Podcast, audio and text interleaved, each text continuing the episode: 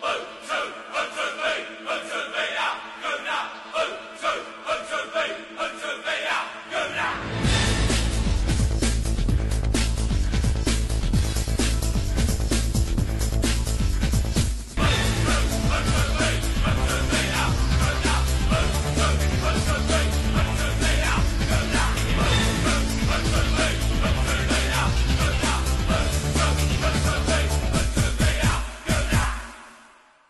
Welcome back to Guru Lokal Podcast. Masih bareng gue Ilham Batasi Matupang. Dan kali ini akhirnya bersama eh, jurnalis favorit kita semua. Isidor Turangga. Halo Mas. Halo Bro Ilham, Asik. apa kabar? Udah lama banget nih. Baik, baik. Terakhir kita rekaman itu bulan Januari. Eh, bulan Februari. Masih di kantor gue ya? Masih di kantor yang tinggi itu, bro. Sekarang, sekarang udah ini, kita via virtual lihat. Nggak ada yang ngira kayak gini. New normal, bro. Iya. New normal dan kita Ya. tetap cari cara untuk bisa tetap eh, podcast, berpodcast ria. Yoi. Karena Arsenal is back. Karena Arsenal is back, betul. Ini sebenarnya kalau Arsenal gak balik-balik, kayaknya gue gak bikin-bikin podcast deh. Ini kita eh, Arsenal besok subuh. Eh, bukan besok subuh sih, hitungannya besok lusa lah. Ini hari. Kamis ya. Ya. Dini hari kembali lagi akhirnya dan kembalinya itu langsung ngelawan City. Kan kemarin kan laga tunda kan ya. Nah, ini kan eh, kita langsung aja ya preview untuk match lawan City. Tadi malam si Arteta juga udah press conference dia jelasin gimana semua eh, kondisi pemain terus juga kesiapan lawan City sama soal dia akhirnya pertama kali bertemu dengan Pep sebagai lawan. Hmm. Kalau dari lu gimana nih Bang lihat match eh, hari Kamis nanti? Hmm. Se- apa ya? Eh, kompetisi abis habis lockdown dan sejenisnya tuh kayak kalau diibaratkan tuh kayak Idul Fitri. Jadi semua tuh kembali dari nol. Oke. Eh, basic pemain semua restart kan otomatis nggak ada pemain kan harusnya kalau di ya harusnya kalau normalnya eh, tanggal segini tuh udah Euro 2020 kan harus Iya, iya betul. dan fisik fisik pemain tuh udah udah istilahnya udah di puncak performa lah udah kalau lu main FM tuh udah 100 lah Ya. Ma- match fitnessnya udah bagus lah Udah Nah, merah ini lah kan ya. ada ya ada jeda tiga dari Maret awal Maret ada yang awal Maret ada yang pertengahan Maret dan itu kan lama banget ya Lama uh, banget. lama banget dan masa persiapannya itu cuman dua minggu atau tiga minggu padahal preseason itu normalnya minimalnya periodisasi itu 30 hari minimalnya Hmm. minimalnya aja tuh secara minimal tuh sebenarnya persiapan tiga minggu itu kan belum belum bagus ya. Makanya kan beberapa tim tuh kalau lu ngelihat di berita kan latihan uji coba mainnya dua jam. Iya, iya. main ya kan? Mainnya dua setengah jam kayak gitu. Itu memang menurut gua sih untuk untuk eh, saat ini tuh yang penting tuh match fitness sih. Jadi fisiknya memang nggak harus 100% cuman secara match fitness match sharpness tuh mereka udah siap. Kayak gitu. Jadi eh, tapi beruntungnya adalah meskipun melawan City ya kita kondisi fisiknya sama maksudnya sama-sama habis libur panjang Hmm. Eh, yang mungkin yang membedakan adalah dan eh, keuntungannya mungkin sama-sama udah nggak ada injury ini ya injury list ya Iya, kayak. Rob Hospital di kita holding udah sembuh Chambers sudah pemulihan jadi Tierney juga udah balik. eh, iya jadi kayak Tierney juga udah kayaknya udah siap udah udah bakal main di starting eleven deh kayaknya feeling gue si Tierney jadi memang secara fisik udah sebenarnya sama berimbang lah. Kalau di pasar taruhan nih harusnya 50-50 lah. Lag lah ini sama-sama sama-sama kuat. Cuman yang gue sorotin di sini tuh kayak tiga hari lalu empat hari lalu kan City ngerekrut Juan Manuel Lillo anjir. Di kancah jurnalis sepak bola tuh nama Lillo tuh salah satu yang well respected ya walaupun nggak punya gelar ya. Karena selain dia pengadopsi Johan Cruyff, dia juga gurunya Pep Guardiola. Jadi orang-orang seperti Marcelo Bielsa aja juga respect sama Juan Lilo. Jadi ketika Pep menunjuk Lilo untuk ngisi posisinya Arteta sebagai asisten tuh gue kayak anjir. Uh, ini tuh bakal jadi yang sesuatu yang ya gue nggak tahu ya kebetulan ketika tapi memang ada jeda sih gue nggak nggak nggak yakin ya Lilo akan langsung nyetel sama squad City cuman itu cukup memberi kekhawatiran karena dua nama itu tuh udah udah cukup memberi efek yang lumayan ya buat mereka yang tahu taktik ya dan tahu bagaimana kedua orang ini bekerja di sepak bola itu sebenarnya itu sesuatu yang mengkhawatirkan.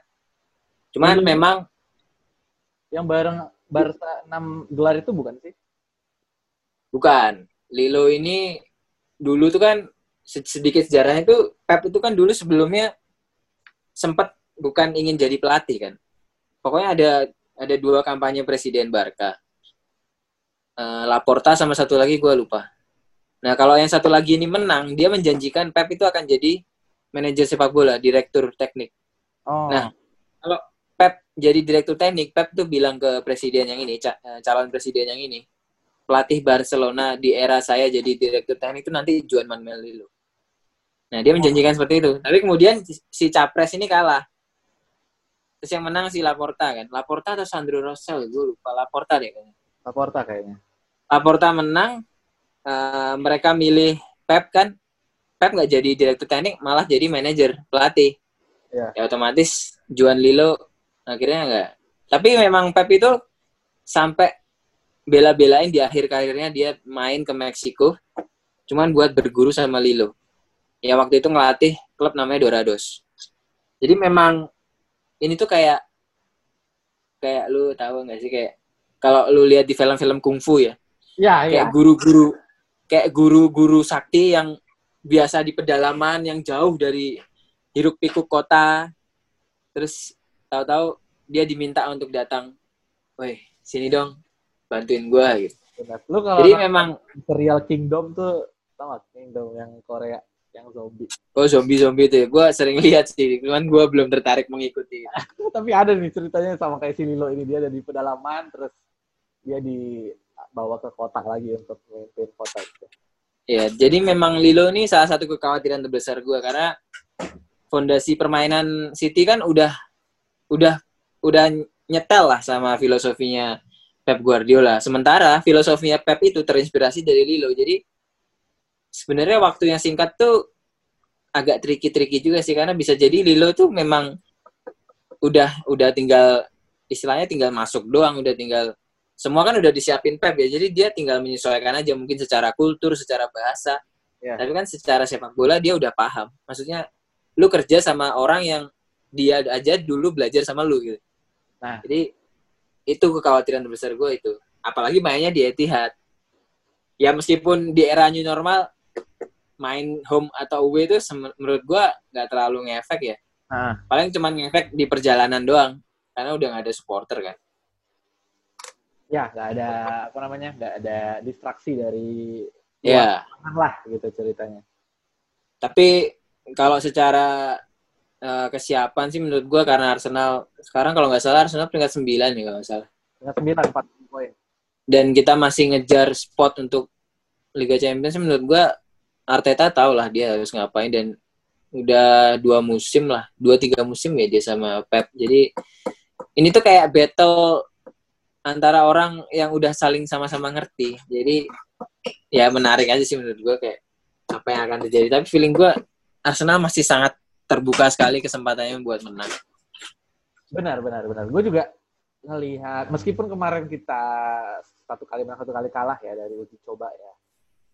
Hmm tapi kan ada beberapa strategi juga tuh yang tapi eksperimennya Arteta kayak si Maitland Niles sudah dipasang di gelandang yeah. juga Rex Nelson tuh dua pertandingan tuh menit bermainnya juga lumayan banyak karena kan ada di match report kan kayaknya hmm. uh, apa ya sejauh ini kan eksperimen eksperimennya Arteta nih belum ada yang zong nih iya kayaknya ya gue juga setuju sih sama lu kayaknya uh, apa ya peluang untuk menang atau maksudnya ya nggak usah maksudnya nggak bermain buruk lah tidak mengecewakan itu masih masih gede lah untuk si Arsenal. Hmm, Terus juga betul. ah, terus juga kalau yang ini yang apa namanya si Manchester City-nya juga gue juga ya ngikutin lah beberapa kali kan gue juga follow Twitternya mereka tuh. Hmm, Ah, beberapa beberapa apa ya update-update pemainnya kayak si Kevin De Bruyne terus juga Aguero. Ini dari Hmm. segi ini ya ya gue cuma lihat dari video training dari virtual training sih. Kayak beberapa tuh eh, apa ya body fitnessnya itu tuh nggak se nggak se sharp pemain Arsenal tau gak sih lo kan kalau pemain Arsenal kita Iya. lihat foto-fotonya kayak si Martinelli tiba-tiba jadi berotot banget. Nah, ya, eh, kalau gue sedikit beropini ya soal City. City itu gue pernah ngobrol nih sama waktu itu gue dinas kan ke Jogja. Ah, ah, terus gue temen gue ketemu sama teman-teman ex eh, teman-teman fandom. Ya. gue ketemu ngobrol dan otomatis kan kita membahas soal sepak bola. Pasti. Nah ada temen gue nih sekarang dia redaktur di mojo.co si namanya Ahmad Kadafi. Davi Davi Davi itu bilang gini yang gue cukup mengamini itu ya. Jadi tim Guardiola itu kayak robot. Jadi mereka udah di sistem mereka punya sistem main yang sangat cair. Kayak mereka tuh datang ke satu match tuh mereka udah tahu nih oh gue harus ini kalau kondisi kayak gini gue harus gini kalau kondisi kayak gini gue harus gini. Jadi eh, nggak tahu ya gue merasa timnya Guardiola tuh memang tim yang didesain untuk menang tapi tidak untuk harmonis. Kayak Hmm. Kayak ya kita kita kerja as a profesional aja bro. Nggak usah jadi temen akrab-akrab. Kayak lu nggak akan menemukan kehangatan kayak Lacazette Aubameyang uh, Ozil Mustafi Ozil Kolasinac. Jadi kayak hal seperti itu gue gue nggak tahu ya. Maksudnya dari apa yang gue lihat di atas lapangan kayak kalau lu mengamati City merayakan gol lu kayak ah ya udah ini ini udah template. Gue tahu nih kalau gue kayak gini pasti akan gue kayak gitu.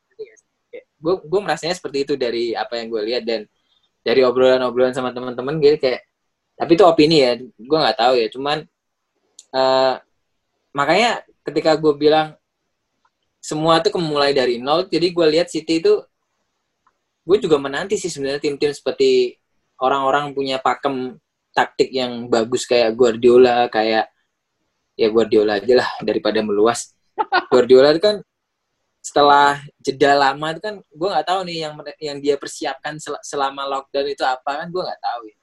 Jadi satu sisi gue juga penasaran, cuman di sisi yang lain gue yakin pasti ada celah yang mungkin nanti akan terekspos karena biasanya tim yang punya sistem atau main kita sebutlah main seperti robot nih mereka udah tahu ya mereka mau main kayak gimana itu mungkin akan sedikit terganggu ketika ya abis tiga setengah bulan mereka nggak ngapa-ngapain literally nggak main bola Ya. terus tiba-tiba masa persiapannya cuma 2-3 minggu ya mungkin mungkin itu akan lebih mengganggu tim yang punya sistem pakem dan bekerja seperti robot daripada tim yang menurut gue lebih humanis ya kayak Arsenal yang menurut gue di era Arteta eh, di era masuknya Arteta itu kan dia kayak membawa mengusir awan mendung dari Emery gitu kan Just, terus tiba-tiba Granit Xhaka di jadi salah satu kunci di lapangan tengah. Mustafi mulai pelan-pelan dimaafkan sama fans kayak gitu. Jadi nggak tahu sih feeling gue secara ruang ganti secara ya kayak lu bilang tadi kan Martinelli lebih fit. Mungkin secara fisik dan secara eh, humanis di ruang ganti kayaknya kita lebih unggul ya dari Manchester City. Mungkin maybe nggak tahu sih. Who knows? Berarti kalau yang dengan lu bilang kayak gitu, Arteta itu ini kali ya? Dan dengan apa yang dibawanya ke Arsenal, berarti selama di City yang kayak robot itu, Arteta juga kayaknya ngerasa kayaknya nggak se ini deh mereka, nggak sefrekuensi kali ya. Mungkin Arteta kan Hmm. kelihatannya kayak orangnya yang friendly, terus juga deket banget iya maksudnya ke anak asuhnya. Pas di City kan kalau yang tapi sedikit sedikit soal Arteta ya kan kemarin eh, di pertemuan kedua gue sama La Liga Hmm. kan bintang tamunya Luis Garcia Nah, pemain Uh, Liverpool ya, mantan Liverpool ya. Ya, gue tanya ke Luis Garcia. Eh, menurut lo di antara Sabi Alonso dan Mikel Arteta itu siapa yang lebih? Eh, eh, bukan gue nggak tanya lebih sih. Eh, Sabi Alonso dan Mikel Arteta tuh bakal jadi pelatih hebat nggak? Gue bilang kayak gitu. Gue tanya kayak gitu. Ya. Si si Luis Garcia bilang gini, dua-duanya tuh sama-sama jago. Karena Arteta kan pernah sama dia di Barcelona. Ya. Kalau Xabi Alonso pernah sama Luis Garcia di Liverpool. Ya. Dia bilang Arteta tuh orangnya kaku, tapi kelihatan dari luarnya aja kaku. Aslinya tuh sangat family man, sangat friendly, sangat asik, sama kayak Xabi Alonso. Jadi jadi sebenarnya Arteta tuh kayak kayak kayak kayak mungkin dia mencitrakan selalu klimis kan, klimis, tek tek tek apa ya istilahnya strict man gitulah. Ya, strict Eh, sebenarnya dia sebenarnya nggak kayak gitu kata Luis Garcia sih, gue nggak tahu ya. Introvert. Itu menurut gue. Ah, maybe maybe introvert sih kayaknya. Kayak apa? Tapi dia tuh kayak kayak mafia-mafia itu loh yang lu tahu gak sih kayak dia setiap omongannya tuh kayak mengeluarkan pesona ya anjir. Anjir. Kayak Don kayak di film Godfather gitu. Don Kayak Corleone. Iya, Don Corleone kayak lu setiap dia ngomong tuh everybody listen sih kayak itu itu menurut gua penting sih buat sebagai kerjaan sebagai manajer pelatih. Kalau dari apa yang gue lihat sih sebenarnya Art, eh, Arte, ya Arteta, Arteta. Gue gue sering salah nyebut Arsenal dan Arteta. Itu mungkin yang terjadi ketika Arsenal sama Arsene Wenger. Ya, bro, ini Kayak tuh udah, di, udah ditakdirkan begitu, bro. Iya semua sama-sama ar ar ar ar. Kita tunggu aja ini. Jadi- dua. 10 tahun lagi. amin amin. Gua yang non, yang Brentford gua nggak nggak lihat ya cuplikannya. Eh maksudnya nggak lihat secara garis besar karena gue memang anjir kok kalah sih terus gue lihat golnya doang. Ya, ya, nah ya. ketika kita menang 6-0 itu gue ngelihat proses-proses kan ketika kita menang tuh biasanya di YouTube Arsenal tuh lebih detail kan. Ya, betul, betul. Ya, ada di lebih panjang diliatin proses golnya mulai dari build up dan lain-lain. Eh, Arteta tuh sebenarnya mencoba masih mencoba cara yang dia dia coba beberapa masih dia pakai beberapa bulan yang lalu ya masih empat feeling gue sih masih empat dua tiga satu Aubameyang di sayap kiri Lacazette tengah Pepe kanan Ozil di belakang Eh, cuman di beberapa sikon tuh gue lihat dia lebih fleksibel beralih ke 3-4-3 karena mereka punya Socrates, David Luiz sama Pablo Mari. Dan Pablo Mari itu kayak kepingan yang menurut gue dicari Arsenal, makanya dia datang kan di bulan Januari karena dia butuh back kaki kiri yang bisa ditaruh di posisi back tengah kiri ketika kita main 3 back. Ya, ya. Dan ketika kita main 4 back tuh dia bisa ditaruh di sebelah kiri sementara Luis di sebelah kanan. Karena kan kalau kita mau main build up lebih enak pakai back yang kaki naturalnya tuh ada di posisi dia berada. Benar. Jadi itu ngalirin ngalirin bolanya lebih enak gitu. Kalau lu harus ngepasin kaki ke kaki terkuat lu kan gue akan spend 2 3 detik kan. Dan- Untuk mau ini ya, adjust si kaki. Iya, kayak lu misal lu kaki kanan, lu pengen anjir, ah gua gak bisa nih, gua umpan panjang pakai kaki kiri.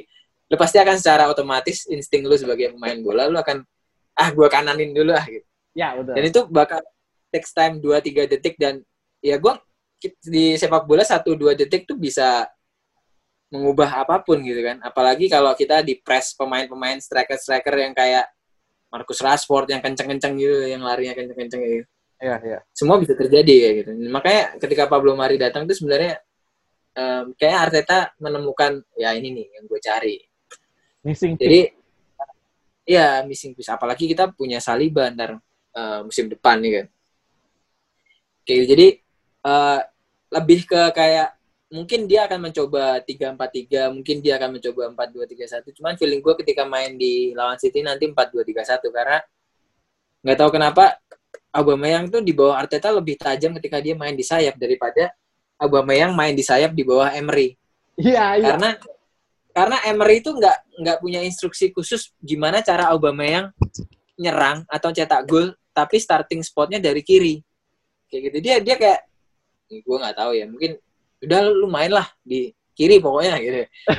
tapi nggak dikasih cara ini loh kalau lu mesti main di kiri tapi gue kasih lu keleluas- keleluasaan buat cutback masuk atau ketika proses serangan balik lu ada di posisi dua striker di depan sama Lacazette ya who knows ya kita nggak tahu ya cuman nggak tahu kenapa. Ya bener kata lu dari latihan-latihan video atau latihan yang di upload Arsenal di YouTube tuh gue lihat ya meskipun selain drama kontraknya ya yang masih mengambang Aubameyang tuh masih tajam banget gue lihat di kayak sharpness-nya tuh masih terasa gitu kayak larinya masih kenceng masih asik lah dilihat. Dan itu umur 31 kan ya. Iya, dan dia umur 13 dan dia salah satu top skor juga ya, cuma jarak dua gol doang dari Jamie Vardy. Jadi ya menurut gua itu bisa jadi pembeda sih di laga nanti apalagi Aubameyang. Dan gini, ketika uh, gue belajar ya dari Bundesliga, dari La Liga, uh, menurut gua kunci besarnya dari gimana cara memulai restart yang bagus itu adalah lu berani ngambil inisiatif coy misal gue ngambil contoh dari match pertama yang gue tonton itu Dortmund klasiker ya klasik Iya. Yeah. gak sih pembuka Bundesliga itu klasiker ya? Yes Dortmund Schalke. Gue ngambil contoh dari match itu. Dortmund tuh ya kita kan sama-sama eh enggak enggak pembuka pembuka Bundesliga tuh Dortmund Schalke. Iya Dortmund Schalke. Der Revier Revier Derby. ah gue lihat di situ. Itu sebenarnya kedua tim tuh sama-sama larinya berat. Ya wajar lah lu udah tiga setengah bulan nggak main bola kan Benar. larinya berat. Dan itu pertandingan kompetitif di mana lu harus menang. Ada poin di situ. Ada gol di situ. Terus kayak jadi tim yang lebih berani istilahnya kayak ya bodoh amat dah. Misalnya istilahnya logikanya gini. Analoginya kayak lu tahu nih hujan nih. Dan lu tahu nih anjir nih gue kalau nerobos basah nih. Tapi nggak apa-apa yang penting nyampe rumah kayak gitu. Nah, masalahnya apakah lu berani nerobos hujan itu? Nah, sebenarnya Project Restart tuh tantangannya di situ. Tim itu tahu mereka sama-sama capek, sama-sama fisiknya belum siap gitu. Belum siap untuk main 90 menit di sebuah kompetisi kompetitif. Makanya e, pertanyaannya kemudian di antara City sama Arsenal siapa yang bakal lebih berani ngambil inisiatif? Menurut gue Dortmund waktu itu gaspol ya. Mereka sama-sama larinya berat nih. Ya. Tapi ya pemain kayak Halan, Hakimi, Julian Brand kayak ya udahlah gas aja dah bodo amat ya. Larinya kenceng-kenceng. Sebenarnya larinya ya sama-sama berat, cuman mereka lebih lebih lebih berani neckle, lebih berani body charge, lebih berani lari, lebih mau duel. Jadi menurut gua yang gue pelajarin dari Bundesliga, dari La Liga, restart itu ya itu sih sebenarnya. Kayak ya semoga harapan gue Arsenal di era Arteta yang kita kenal kan lebih kombatif, lebih berani duel, lebih berani, lebih rapi mainnya, lebih ngoyo, lebih ada sistemnya. Yang menurut gue itu kalau itu dipertahankan lagi, ditambah sedikit willingness, wah ini kita harus menang nih demi tiket Liga Champions. Menurut gue sih Arsenal harusnya ngambil kesempatan itu. Ya. Berarti ini sekarang bukan lagi soal uh, apa ya, skill lu ada sampai di mana, tapi sekarang tentang keyakinan lu belum berani nggak nih berani nggak nih uh, apa namanya nembus uh, limit yang sekarang ini lagi sama-sama uh, batas itu? Iya, ah, benar. Iya. Siapa yang lebih Betul. berani? Dia yang lebih yang pasti menang. Itu sih. Benar sih, benar sih. Uh -huh. Karena setelah dua tiga pekan kan baru gitu sama kan levelnya. Iya. Level fisiknya, ya kan? Benar, itu kan? udah mulai udah terlihat tuh ntar yang sering menang ya mereka yang akan secara psikis lebih bagus karena ketika match fitnessnya udah sama-sama bagus, ya akhirnya mental yang menentukan kan. Nah kalau yeah. kalau ini kan fisiknya masih sama-sama bobrok kan maksudnya. Jadi ya udah kita tentuin aja dari mental siapa yang lebih berani. Ya, ya kayak kemarin aja yang ini deh uh, La Liga itu kan gol-golnya banyak banyak semua tim-tim gede Barca 4-0. Iya tuh, lu lihat Messi kayak Messi tuh masih kayak giring bola tuh masih malu-malu. Iya, masih kayak anjir udah lama Iya masih kayak training di training aja masih belum 100%. Ya tapi Messi mah Messi tetap Messi. Ya Messi tetap Messi bro. Cuma yang pasti tapi kelihatan sih, benar udah kelihatan banget kayak apa ya masih gago gitu apa sih? Gagap. Masih Iya, betul. Yang nggak nggak seluas Messi yang kita tahu lah gitu. Uh, fisik Itulah, fisik ya. sih jelas. Fisik fisik sih ya benar sih. Dan dan ya apa ya? Apalagi kan ini kan dua-duanya tim gede ya. Ya udah disebut begitulah. Hmm uh, materi yeah. sama-sama bagus City sama Arsenal ini. Jadi uh, ya siapa yang berani ini duluan sih, meledak duluan sih. Betul. Itu yang bakal jadi pemenang. Hmm. Oke, okay, itu dia uh, preview match lawan City nanti. Ini pastinya udah ditunggu-tunggu banget sama fans-fans Arsenal gila udah pada cemburu ngelihat penonton Bundesliga bisa nonton duluan Liga Spanyol juga udah duluan akhirnya sekarang kebagian nih.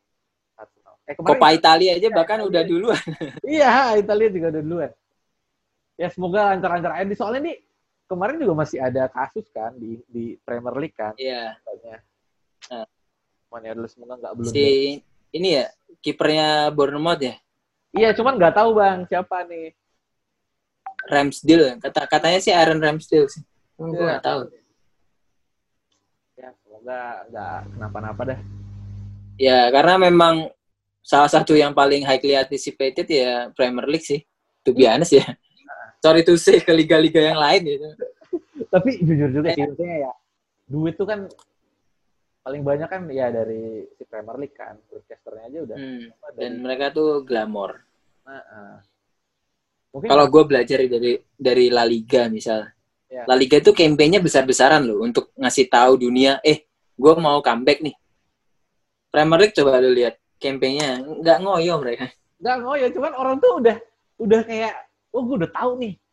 Iya, yo, the power of brand. soalnya. Gak usah pakai gak usah pakai campaign, gak usah pakai apa ya? Malah sekarang kan mereka kan cuman kayak countdown pakai Kalau di Instagram pemain. Two days ya kan, mungkin kayak ngumpulin back-back nomor dua terus two more days kayak gitu, udah udah gitu doang. Iya gitu doang. La Liga kan kemarin bikin video gitu kan. Gue tuh Ah. video dari Wah niat banget. Ah, ah, ah. Hmm. dari seluruh dunia gitu kayak semua pakai pada pada pakai jersey klub La Liga. Wah, ya, ya, mungkin itu eh, apa ya? Ya bagian dari marketing mereka lah. Iya, tapi ya bagus lah. Lumayan. Lumayan. Oke, kita lanjut eh, soal ini nih yang lagi panas juga. Dan kemarin juga sempat disenggol waktu press conference Arteta. Itu kontraknya si Auba. Nih, tadi kan lu juga udah bilang nih Bang, maksudnya si Auba ini kan masih masih tajam, masih bisa jadi apa ya? Masih bisa jadi striker utamanya Arsenal lah. Di walaupun sekarang umur 31 terus juga dia udah uh, musim lalu top skor, musim ini juga cuma beda dual gol dari si Jamie Vardy. Dan desas-desusnya dia tuh juga katanya nggak mau perpanjang kalau Arsenal nggak lolos lagi nih Liga Champion atau ya ya kalau nggak lolos Liga Champion lah karena kan Europa League kita udah gagal nih udah nggak lolos satu Hmm. kan tinggal peringkat lima ya itu udah fix belum sih yang peringkat lima lolos Champion Nunggu bandingnya ini Manchester City.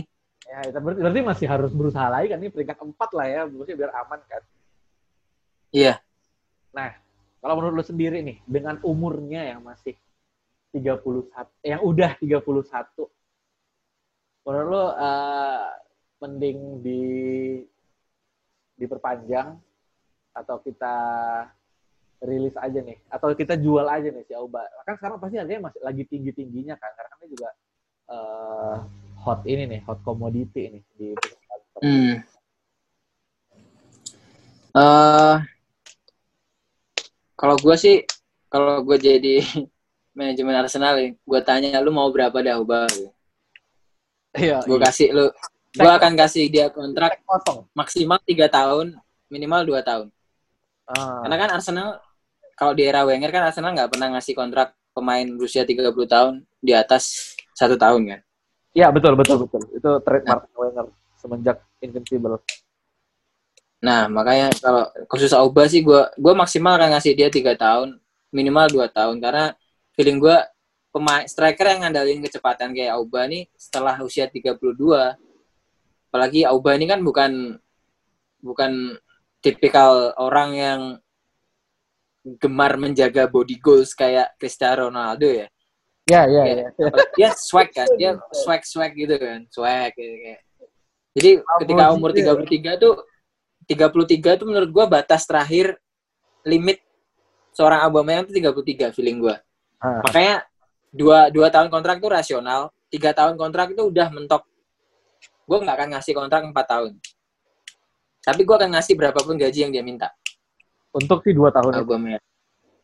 Iya, mau dua tahun atau tiga tahun, gua gua kasih gaji berapapun yang lu minta. Kalau dengan atau tanpa Liga Champions ya, dengan atau tanpa Liga Champions. Hmm. Tapi dikasih aja gaji berapapun yang dia minta. Kalau gua Cuk- Karena gini, ketika 2021 kan kontraknya habis 2021. Ya. Aubameyang tuh umur 32 berarti 2021. Deng- ya dia memang masih hot commodity saat ini. Cuman ketika nanti 2021 katakanlah eh, setelah ini kan selesai nih kompetisi, katakanlah kompetisi selesai bulan mungkin Oktober ya Oktober. ya sekitar September lah maybe gue nggak tahu September maybe dan saat itu katakanlah Oba masih jadi ya katakanlah dengan asumsi dia jadi top skor Premier League Ya. nilainya masih akan tinggi cuman setahun berikutnya ketika kontrak terakhirnya dia menjalani kontrak terakhirnya dengan Arsenal itu sebenarnya titik titik pentingnya itu ada di Aubameyang sih bukan di Arsenal jadi Arsenal sebenarnya ada di upper hand kenapa karena Aubameyang ketika menjalani kontrak terakhir yang bersama Arsenal tuh umurnya udah 32. Jadi menurut gua kalau gua jadi Aubameyang, gua akan tampil habis-habisan nih di sisa sisa kompetisi ini musim ini. Karena ketika nanti musim 2020-2021, gue tinggal eh, menyeleksi aja tawaran yang masuk.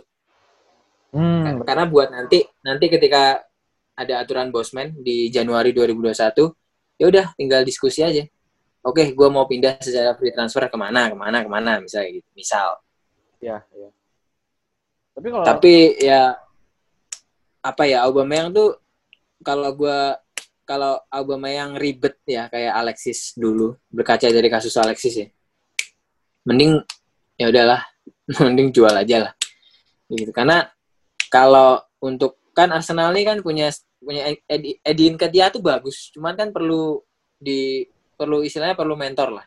ya, ya. Dan sebenarnya orang kayak Aubameyang tuh asiknya untuk meramaikan ruang ganti gitu kayak biar ruang ganti itu nggak kaku-kaku banget lah gitu. Dan orang kayak Aubameyang, Lacazette, French connection-nya itu kan asik kan orang kalau gue lihat di story-storynya orang-orang itu kan, wih asik kan, wah kayak asik lah pokoknya mereka orang-orang gitu. Ya, Dan itu itu sebenarnya poin yang penting dari Aubameyang. Dia tuh punya banyak temen di ruang ganti dan yang gue takutkan ketika dia nanti misalnya hengkang, hmm, kan rumor-rumor yang gue baca kalau misal nih Arsenal bersiap melepas Aubameyang, kan targetnya adalah mempertahankan Lacazette kan. betul. Otomatis Lacazette akan jadi the number one striker kan. Ya, Satu-satunya striker malah yang berpengalaman ya, kecuali Edin Ketia dan lain-lain. Nah itu sebenarnya agak tricky karena ya otomatis kita harus beli striker lagi lah. karena kalau Dan di era pandemi kayak gini duit duit kan agak susah ya, seret banget. ya. tapi bukannya kalau pandemi jadi lebih murah nggak sih? Eh, kalau gue berkaca dari kayak transfernya Timo Werner aja yang masih 50 juta sebenarnya pasar pemain tuh nggak nggak turun-turun banget karena apa ya mereka dilihat dari usia sama value mereka sebelum pandemik sih. Jadi kayak harganya masih ya untuk beberapa pemain masih tinggi lah menurut gue tapi untuk pemain-pemain yang di atas 26 di at- di atas 27 mungkin harganya udah di bawah 40 ya mungkin Ya, di bawah Kecuali- aslinya lah gitu ya. Ya, kecuali beberapa pemain yang levelnya udah world class ya. Ya, katakanlah udah masuk 10 besar Ballon d'Or lah. Ya, itu mungkin harganya mungkin sangat jarang sekali ter tergerus lah. Betul. Nggak hampir nggak mungkin. Kayak Eden Hazard gitu-gitu nggak mungkin harganya tergerus. Itu. Tapi gue sih prefer Aubameyang pensiun aja lah di Arsenal. pensiun di Arsenal ya. Karena dia udah kayak Dia pas, udah jadi kayak icon Arsenal gitu nggak sih? iya, dia kapten lupa. juga kan. Iya, gue tuh udah lupa loh dia juga main bagus di Dortmund. Iya dan dia tuh asik orangnya gitu. Gua gua suka sih cara dia merangkul orang-orang, asik orangnya. Arsenal banget gak sih dia? Iya nggak bro? Iya Arsenal banget dan dia pakai nomor 14 coy, nomornya King Henry deh. Iya dan Jadi ya mending nah ini gue baru ingat. Tadi kan lu bilang di bawah Arteta, Auba itu malah lebih tajam dari sayap kiri kan. hmm, Itu udah persis banget ya Henry bro. Di bawahnya Wenger.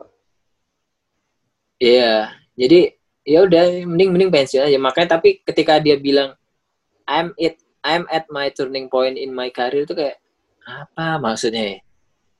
Karena dia memang dari dulu kan pengen ke Real Madrid ya katanya.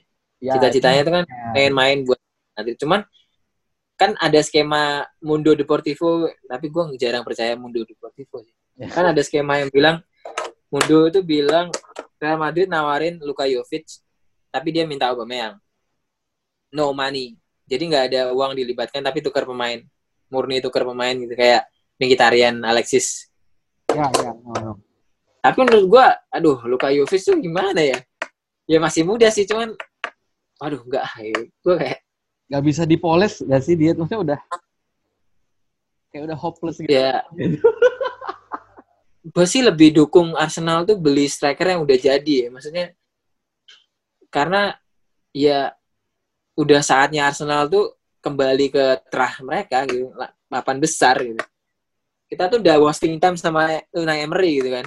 Ya, benar. Jadi di era era rezim Wenger, era terakhir rezim Wenger dan bersama Emery itu kita cukup wasting time. Jadi menurut gua di era Arteta ini kita udah aja udah langsung launch launch aja kayak roket mah tinggal terbangin aja gitu. Jadi jangan moles tuh mending bukan beli pemain sih dari pemain muda sih gue bilang kayak banyak kan talenta talenta muda mending poles aja dari situ lebih murah gajinya lebih kecil kan karena banyak kan rata-rata pemain muda kan pasti ngefans Arsenal lah Ya.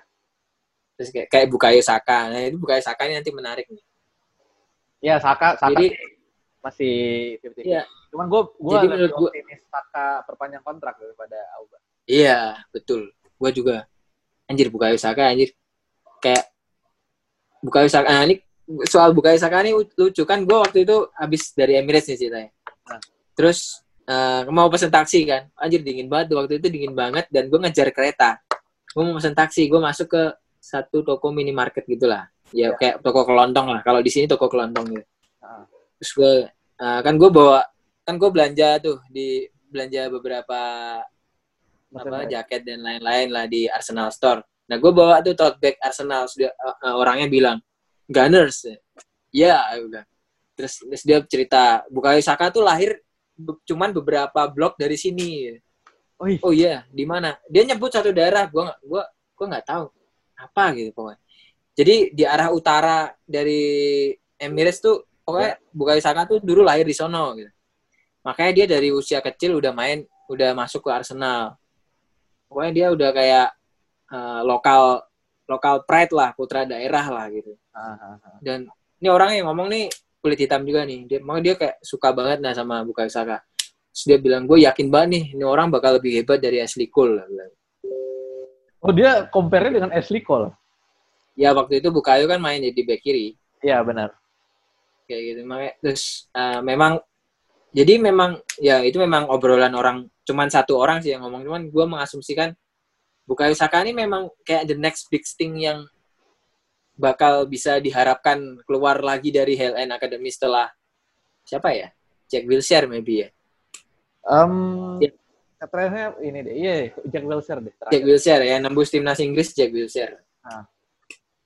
setelah Jack Wilshere Hector Bellerin sebenarnya produk Hell End cuman kan dia ditransfer dari Barcelona ya Iya, nggak pure pure. Jadi nggak nggak pure pure ya nggak pure banget lah nah kalau si ini nih born and bleed Arsenal gitu jadi sayang banget lah kalau Bukayo Saka ini sampai lepas gitu kan dan di usia sekecil se sebelia itu dia udah belajar jadi back kiri dia udah belajar jadi wing back kiri dia udah belajar jadi winger kiri jadi menurut gua ini orang ini bocah nih masa depannya gede banget nih makanya kalau antara Aubameyang atau Saka mending menurut gue prioritas utamanya buka Saka aja gitu.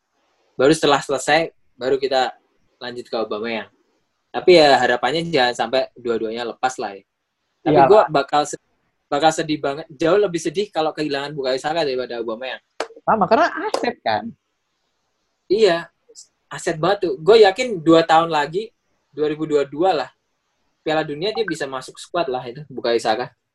Buat Inggris ya. Coba back, back kiri timnas Inggris siapa sekarang? Paling Ben Chilwell yang yang Ben Chilwell. yang, yang kompetitif Ben Chilwell. Cadangannya Danny Rose, Itu sama Luke Shaw. Luke Shaw.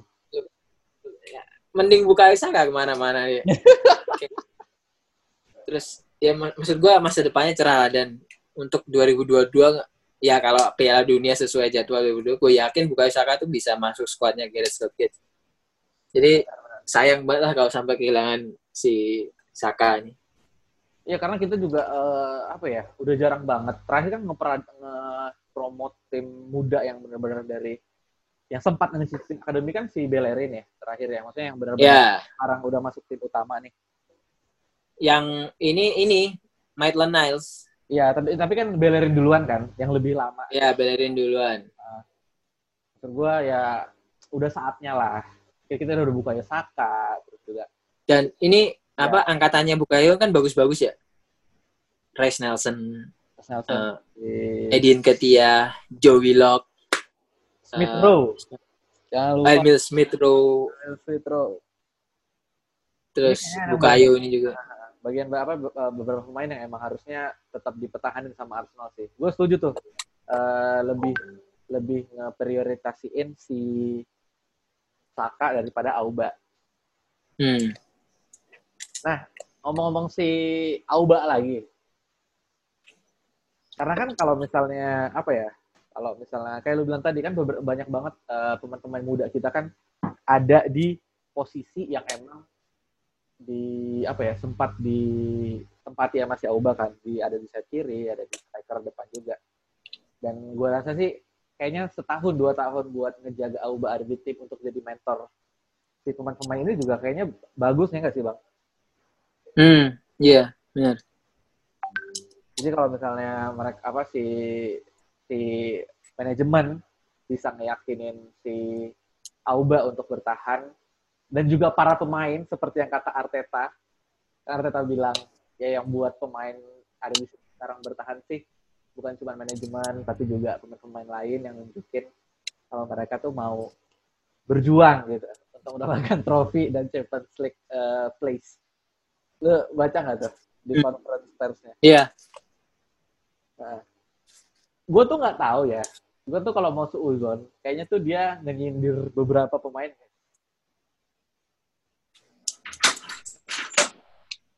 Siapa? Menurut lu siapa? Satu mungkin Guendouzi. Karena Kenapa? ketika, ketika si waktu masih era Emery, Guendouzi kan benar-benar jadi pilar kan entah kenapa eh, tiba-tiba ketika Emery cabut Arteta datang tiba-tiba dia jadi nggak perform. Uh. terus juga mungkin ini juga kata-katanya tuh pengen uh, lucutin semangat. Nicolas Pepe mungkin untuk bisa lebih cepat apa ya performnya yang sebenarnya tuh Bali. Kalau menurut gue sih kayak gitu. Kalau mau suuzonnya ya dia ngomong kayak gitu. Hmm. kalau lu gimana Uh, ya, gue gua setuju sih. Memang kadang pelatih itu perlu nyentil sedikit ya di karena kan nggak nggak etis ya nyebut nama pemain ya. Ya. Ini memang yang perlu ngirim pesan bersayap lah istilahnya ke media kayak. Dan gue rasa pemain tahu lah tanpa perlu pelatih itu ngomong siapa dia dia pasti ngerasa anjir nih gue nih. Cuman memang gue sih setujunya Aubameyang tuh selain jadi mentor juga untuk uh, apa ya membuat beberapa pemain nyaman sih. Kayak Nicolas Pepe misalnya. Ini kan musim pertama dia. Ya. dan kabarnya kan sebenarnya pembelian Pepe ini kan bukan keinginan Emery ya katanya. Awalnya iya iya. Emery maunya si Zaha. Si Wilfried Zaha. Emang mental mediocre sih bangsat Emery. Gila dia lebih milih Wilfried Zaha daripada top score league Ong coba tuh bayangin bro. Zaha tuh dua digit gol loh dalam semusim. Sama Una Emery gue nggak paham. Tapi memang ya Auba itu memang untuk untuk itu, untuk menenangkan orang-orang yang di sekitar dia dan dia kan tipikal orang yang team player yang asik, yang yang ekstrovert gitu yang bisa ngerangkul banyak orang dan gue rasa sih Auba itu tipikal orang yang energinya tuh ya dia senang energinya terbagi sama banyak orang gitu. Mm-hmm. Bukan kayak Ozil yang introvert dia kan. Kayak gitu. Jadi memang Auba pentingnya di situ dan memang benar sih kata-kata Arteta. Uh, memang banyak pemain jadi kayak Arsenal ini sebenarnya udah harmonis ya, cuman memang ada beberapa pemain yang di era sebelumnya dia lebih dipercaya, di era sekarang terkikis, Ya kurang lah, karena bukan menurut gue bukan karena dia nggak baik ya, cuman kadang tuh ada beberapa pemain yang dia jauh lebih berkembang kalau dia main di situasi tertentu, misal Guendouzi. Guendouzi tuh kalau kita dalam kondisi kosong-kosong atau kondisi satu kosong unggul lah, unggul tipis lah ya, Ya. itu terlalu riskan. Menurut gue terlalu riskan memainkan Guendouzi karena Guendouzi itu cakep banget kalau kita lagi kondisi kondisi imbang kosong-kosong tapi udah di menit 70 ke atas atau menit kondisi kita tertinggal. Kondisi kita tertinggal. Jadi memang bagusnya Guendouzi itu di situ karena dia mau ngejar bola, mau ngepres dan roaming midfielder gitu dia ada di literally ada di mana-mana dan stamina-nya bagus, daya jelajahnya bagus. Ya. Jadi memang tidak cocok untuk tim yang saat itu sedang main possession base. Jadi menurut gua enggak lah.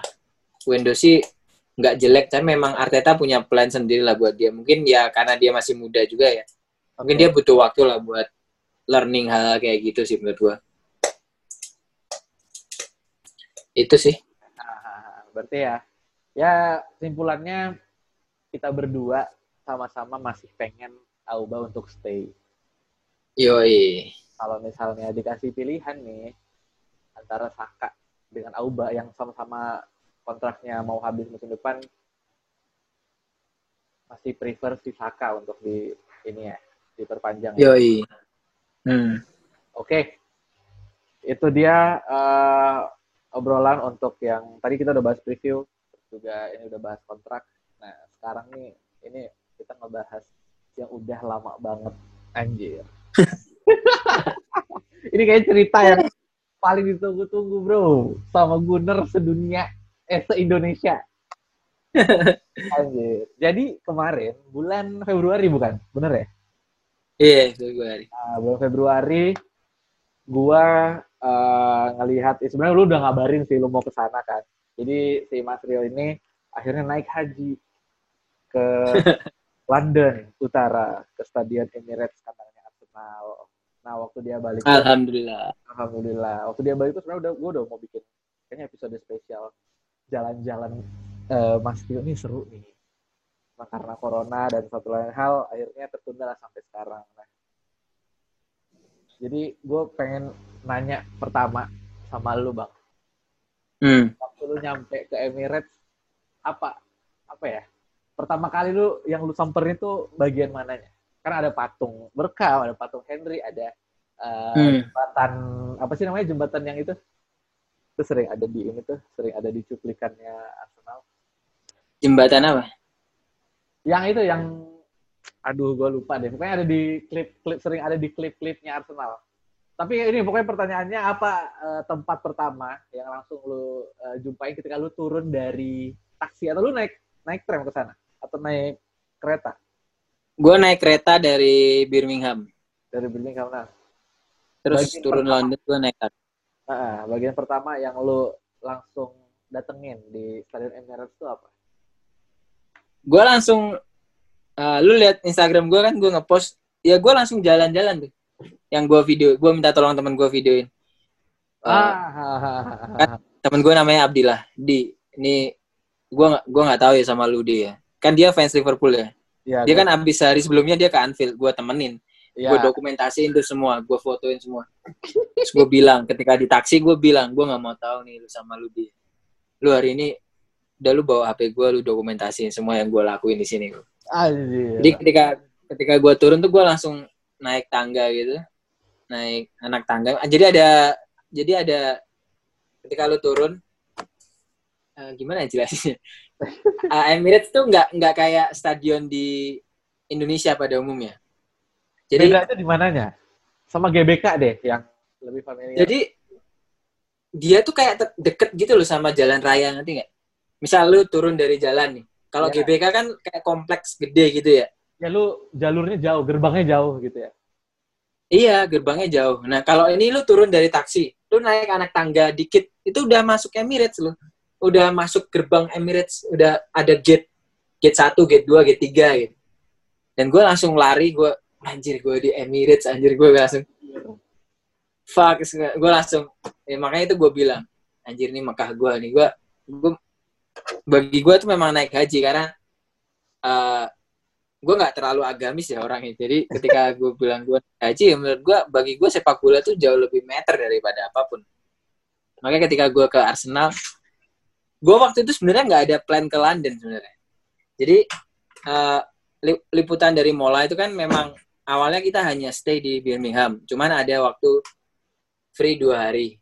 Dua ya. hari itu kebetulan rombongan gua wartawan itu dinominasi fans Liverpool. Wah, anjir. Jelas lah satu hari itu kita ke mana kan? Ke Anfield. Ya, udah gua nggak ke Anfield. Terus ada satu hari sisa. Ada yang pengen ke Liverpool, uh, ada yang pengen ke Manchester karena jaraknya dari Anfield eh, dari Liverpool itu deket. Dan dari Birmingham tuh jauh lebih deket daripada ke London. Dari Birmingham. Tapi gue bilang, iya. Dari iya dari Birmingham ke dari Birmingham ke Manchester tuh jauh lebih, sedikit lebih dekat daripada Birmingham ke London. Ya. Dan mereka kan ya kayak kayaknya meskipun nggak suka rata-rata fans Liverpool kayak pengen anjir gue pengen nih ke depan Old Trafford buat ngece teman-teman gue gitu. Tapi gue bilang kan uh, pas perjalanan pulang dari Anfield tuh gue bilang, bro ke mana-mana tuh bro ya. Kalau lo keluar negeri ya, kan beberapa di antara mereka tuh uh, baru ngerasain dinas dinas luar negeri. Ya. gue bilang kalau lo dinas di luar negeri ke mana-mana tuh lo harus ke ibu kotanya bro gue bilang. Gue bilang gitu karena kebetulan kebetulan kita waktu dari Jakarta tuh nggak turun di London, nggak turun di Heathrow, kita langsung turun di Birmingham International Airport. Jadi memang tidak menjejakkan kaki sama sekali di London. Oh. Makanya gue bilang kita harus ke London, bro. Terserah lu mau kayak gimana, kita harus ke London. Akhirnya. Diskusi kan, ya udah kita ke London ya. Akhirnya sepakat tuh satu suara ke London. Nah, pas ke London di, di saat itu cuma lu yang ngefans Arsenal. Iya, cuman gue Nah di pas ke London kan London luas ya. Iya. Nah gue akhirnya bilang, dah, gue cuma pengen ke London. Terserah kalian ntar nyampe stasiun kalian mau ke mana. Ah. Tapi gue pengen ke stadion Arsenal. Gue bilang gitu. akhirnya anak-anak itu pokoknya ya udah dah. Uh, pokoknya kita ke mana-mana bareng. Lu ke Arsenal, kita semua ke kandang Arsenal lah. Gitu. Hmm. Ya akhirnya udah terwujud lah itu. Terwujud lah perjalanan haji gue ke Emirates saat itu. Jadi Ya, untungnya Tau, memang tujuh kali keliling gak lo? Enggak, gede banget, sumpah gede banget. Tapi gue di Arsenal Store lama banget, bro. Serius, gue bisa, gue hampir dua jam, hampir tiga jam, eh hampir dua jam setengah lah di Arsenal Store. Kayak, emang itu, ya, ya, ya maksudnya selain lo emang suka jersey ya, ya kan gue tau lah lo hmm. gila banget sama jersey, pengen ngoleksi berapa segala macam. Di situ tuh hmm. emang ini sih, hampir semua merek Arsenal di situ ya. Iya, semua. Semua semua semua segala hal tentang Arsenal dari yang diskonan murahan cuman bukan murahan, diskon murah.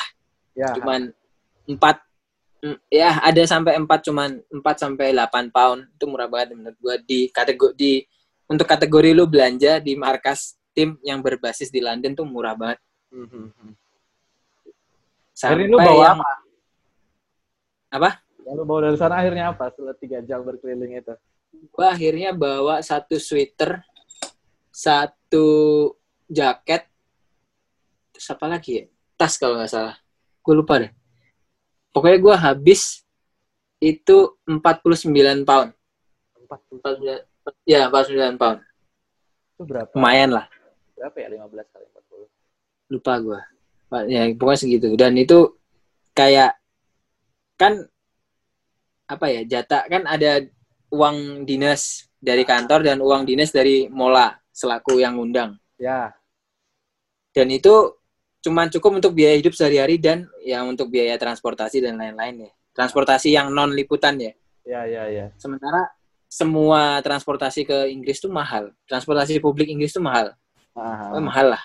Aha. Dan akhirnya gue ya harus mau nggak mau memakai beberapa cadangan uang lah. Ya nggak apa-apa lah demi. Tapi apa. waktu itu gue waktu itu gue bilang ke Laras ya gimana ya sekali kan oh enggak sih dia dia yang dia yang mau encourage gue ya udahlah pakai aja lah. Kapan lagi kamu ke Inggris? Kapan lagi kamu ke kandang Arsenal? Gila. Terus gue bilang tuh, gue saat uh, semalam sebelumnya gue bilang, eh, aduh, uh, aku mau ke Emirates nih, enaknya belanja nggak ya? Karena gue gue tuh hampir beli jersey Liverpool pas di Anfield. Serius? Karena serius, gue tuh suka ada ada jersey retronya gitu bagus banget sumpah. Dan boleh pasang name set gitu kan.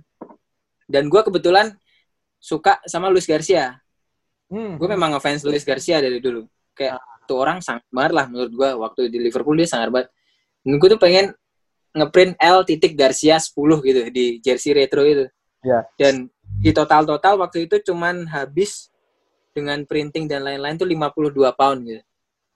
Terus dapat sertifikat authentic authentication terus ada tulisan ini tuh jersey retro dibeli di Liverpool Store Anfield tanggal segini ada detailnya gitu sertifikat. Keren banget, keren.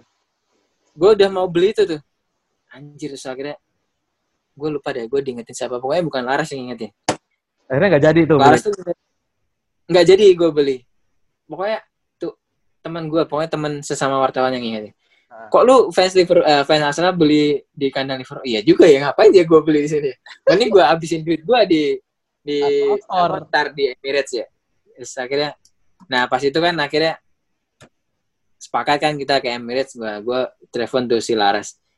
Eh, aku besok ke ini nih, enaknya belanja ya? Belanja lah, ngapain nggak belanja ya? Iya bro, kapan lagi? kapan lagi kapan lagi kan kita ke ya mungkin next ke depan-depan mungkin akan ke sana lagi untuk pekerjaan atau lain sebagainya tapi kapan lagi ini udah nggak keluar duit biaya pesawat ke sana kapan lagi? Lu ngapain? Lu nggak belanja ya, ya Iya. akhirnya gue hambur hamburkan lah uang itu. Wah anjir. Tapi waktu itu gue datang udah mepet mau tutup kan. Jadi misalnya tutupnya jam eh, ya waktu itu tutupnya jam jam 7 malam tutupnya. Ah. gue datang tuh setengah lima. Jadi kayaknya mereka tuh tutup tutup warung tuh nungguin gua belanja doang. Karena kan gua hampir dua setengah jam kan di Arsenal Store. Anjir lah. Berarti lu sendiri, dua setengah jam tuh lu sendiri. Enggak masih ada segelintir orang juga kayak ya seru aja sih menurut gua kayak ngeliatin jersey anjir nih orang anjir dan gua tuh sebenarnya dalam hati tuh kayak berharap ya siapa tahu gua ketemu Bellerin atau siapa lagi di Arsenal Store ini anjir. pemain ya. Iya, gue emang sengaja ngelamang-lama di situ anjir. Tapi nggak ketemu. Tapi pas di kasir tuh gue tanya, "Eh, pemain tuh kadang eh, mampir di sini gak sih? Iya sih kadang habis latihan. Kalau latihan di latihan di ini ya, bukan di Colney, Oh, latihan di Emirates-nya. Emirates. Mereka kadang mampir kayak iseng ada fans nggak ntar foto bareng. Cuman waktu ini waktu itu nggak ada karena itu Hamin dua sebelum lawan Olympiakos yang kita kalah 2-1. Ya, ya, ya. Tahu gua. Jadi memang mereka udah jadwalnya off, nggak latihan dan nggak ke Emirates jadi kayak ya gitu sih. Tapi gue anjir itu kayak anjir gue nyok gue fitting fitting eh, jaket kan di sini. Gue lama-lamain anjir gue anjir gue di dalam Arsenal Store. Nah, itu Bang, Ya gue lihat lu lu foto sama ini di itunya kan di stadionnya. Tapi lu foto Hmm. sih di patung patung Henry, patungnya si Berkham, patung Tony Adams. Kalau patung Tony Adams gue nggak sempet karena dia ada di sebelah barat kalau nggak salah. Oh lu nggak ngikut Karena memang Rin.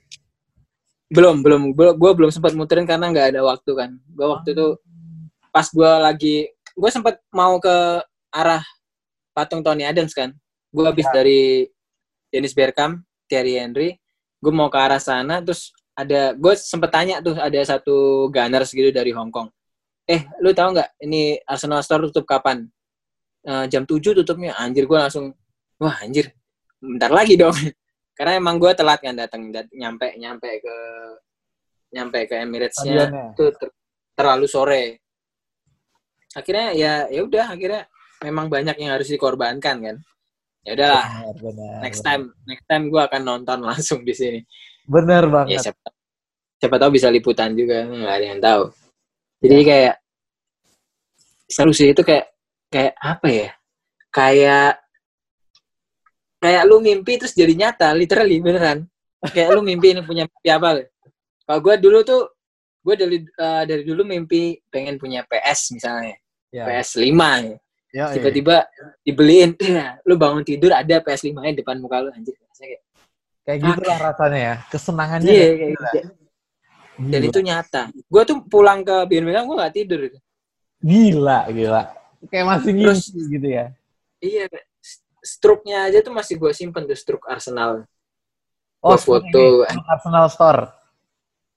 iya gue beli oh, anjir gue belanja di sini anjir nggak ngira gue ya kayak gitu gitulah hal-hal absurd absurd kayak gitu seru sih Itu tuh apa ya? Gue tuh waktu ngeliat tuh ini ya ngupload foto tuh langsung kayak anjir. Karena apa ya dari selama gue 15 tahun nih jadi Gunners, baru lu orang yang gue kenal itu pergi ke sana gitu. Ngerti gak lu? Jadi gua oh iya iya wah ini orang yang gue kenal nih ke sana nih anjir lah maksudnya gue tahu lu wah seru banget nih kayaknya nih perasaan dia di sana nih maksudnya gue tahu gue tahu lah apa ya fanatisme lu dengan Arsenal makanya pas lu cerita lu mau ke Inggris oh ini anjing ini seru banget nih maksudnya dia ke Emirates nih wah itu Iya. Gua tuh beberapa kali ceritain soal Arsenal, soal Emirates eh, sama pertama tuh sama Mas Dalipin. Mas Dalipin tuh kumparan. ya Iya, salah satu petinggi kumparan lah. Kan dia 10 tahun 12 eh, pokoknya puluhan tahun lah kerja jadi BBC BBC Inggris. Heeh. Terus dia juga pernah kerja di Manchester City dan beberapa kali kan dia bercerita soal Emirates, soal Highbury, soal awal persaingan Arsenal sama Tottenham. Terus stasiun yang stasiun tram namanya Arsenal. oh iya iya itu- iya iya stasiun Iya. Iya udah tahu gue tahu Kayak gitu-gitu cerita-cerita. Terus beberapa temen, bukan temen juga sih sebenarnya.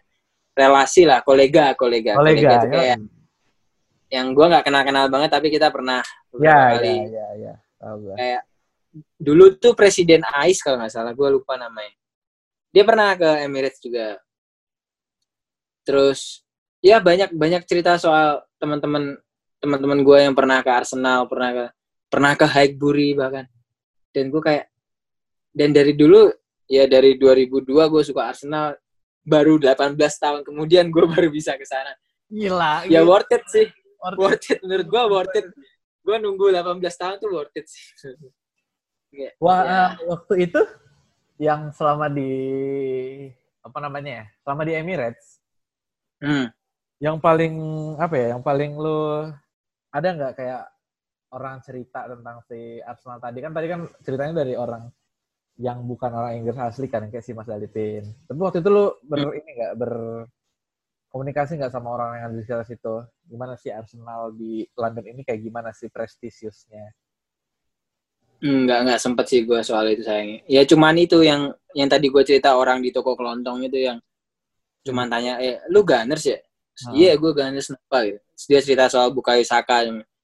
Karena memang waktunya mepet banget dan waktu gue selesai belanja, shopping dan lain-lain kan teman-teman gue yang lain tuh kan nggak nggak belanja kan, mereka nggak suka Arsenal.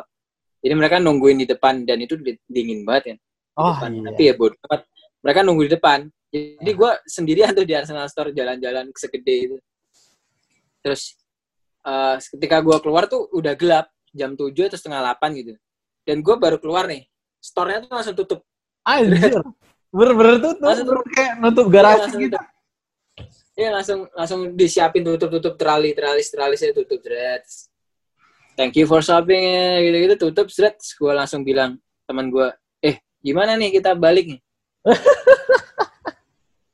Gue mikir anjir ini London Utara dan susah kan nyari taksi. Jadi lu harus telepon dulu. Terus akhirnya ya udah kita akhirnya jalan. Kita sempat jalan mau ke arah Highbury Hmm. stadion Arsenal yang dulu. Cuman sebelum kita nyampe Highbury kita udah dapet taksi duluan. Jadi emang ya mungkin belum jodohnya sih kali. Mungkin nanti bro, sekali lagi. Iya. nonton. Tapi memang kalau feeling gua di situ tuh kayak gimana ya? Itu kayak banyak rumah Mm-mm. flat flat gitu ya. Flat nah, kalau di luar negeri kan flat gitu ya. Deret Oyo lah di sini ya, Oyo Red Doors itu. Iya, iya kayak gitu. Deretan red. Dan menurut gue tuh orang-orang itu ketika Arsenal main tuh kayak seru banget sih. Cuman gue masih berpenasaran aja sih karena nggak nggak ke sana kas pas match day kan. Ya, ya. Seru banget nih. Kayak gue bisa membayangkan itu auranya. Terus pas eh, gue jalan nyari taksi kan gue nenteng tote bag Arsenal tuh ya. gue Nah, merasa diliatin orang-orang kayak anjir nih orang fans Arsenal nih gue gue melihat tatapan orang tuh seperti itu cuman mereka nggak berani nggak nggak bukan nggak berani sih nggak nyapa aja Tapi kalaupun mereka nyapa, gue akan dengan senang hati menjawab, oh iya jelas gue ganas bro. Kalau nggak ganas, gue nggak bakal Nggak nenteng tote bag. Arsenal. Iya, jadi, jadi memang, tapi memang satu yang gue sesalkan sih memang gue ter- terlalu terlambat ya. Jadi gue pesen tiket kereta tuh jam untuk keberangkatan jam satu siang. Heeh, heeh. Sementara perjalanan ke London tuh kalau gue nggak salah inget tuh dua jam atau berapa gitu, dua Ya. jaman lah. Sementara, ya terus ya pokoknya stasiun di London tuh busy banget dan ya waktunya ter- terlalu habis banyak habis di jalan jadi ketika nyampe di Emirates tuh udah terlalu sore gitu dan terlalu banyak hal yang dikorbankan sih menurut gue. Dan waktu itu gue inget banget uh, ada kerjaan kita yang miss. Jadi ketika gue sama anak-anak berangkat ke Arsenal, Ya. si Brilian Aldama itu tanda tangan kontrak sama agensi di Eropa, Hmm. agen pemain di Eropa gitu. Jadi Kejar gitu ya. gue harus memastikan berita ini tidak nyampe duluan ke Indonesia sebelum kita selesai main-main di London. Ngerti ya? Iya, iya, ngerti, ngerti. Jadi kita garap berita tuh di perjalanan pulang ke Birmingham. Kita udah duduk di kereta. Wah anjir udah di kereta nih. Tinggal duduk diem nyampe Birmingham kan. Nah, akhir baru kita garap semua materi soal Brilian.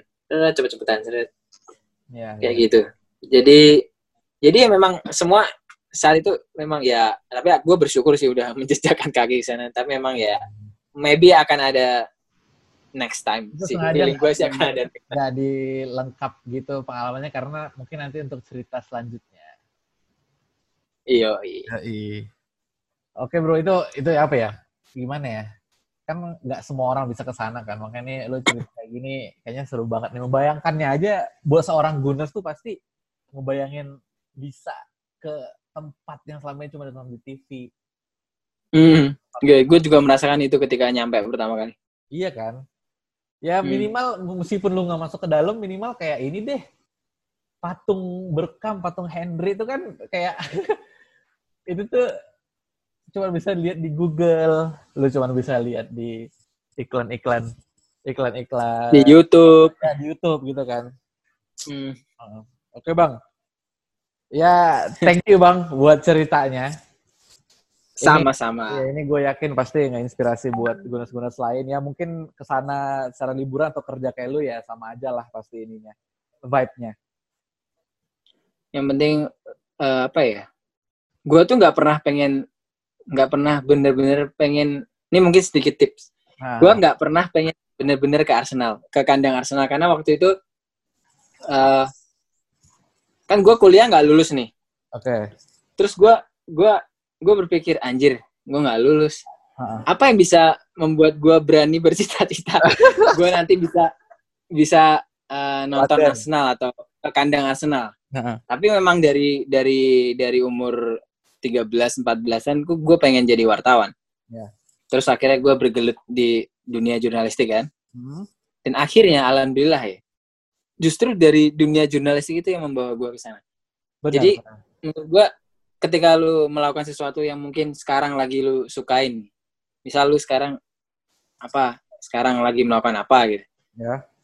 someday dua tiga tahun atau nggak tahu lah kapan waktunya timelinenya kapan nggak ada yang tahu Ya. justru kerjaan itu yang akan ngebawa lu ke sana Amin. jadi kayak ya life life happens misteri lah Ya, iya benar-benar sih. Kita nggak bisa memprediksi kan.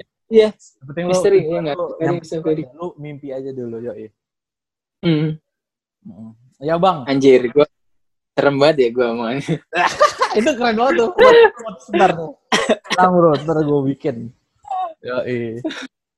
Oke bang, thank you nih. Udah mantap mantap Kita juga udah preview Man City soal kontrak Alba sama cerita lu jalan-jalan. Yoi, naik haji ke Emirates Stadium. lah baik Allahumma lah baik Lah, baik, alhamdulillah baik. Oke Bang Rio, thank you Bang. Yo. Di episode baru gue yo thank you ya besok langsung oke gue naik. siap gue siap share Mantap. Oke, thank you buat udah yang Oke, denger. sampai ketemu lagi di di new normal. Yoi. Semoga bisa rekaman langsung ya, nggak kayak gini lagi. Amin. Bisa, karena lu cuman satu orang hitungannya kalau datang ke kantor gue. Oh iya, benar-benar. Oke. Oke, thank you semua yang udah dengerin. Sampai jumpa di episode selanjutnya. Bye-bye.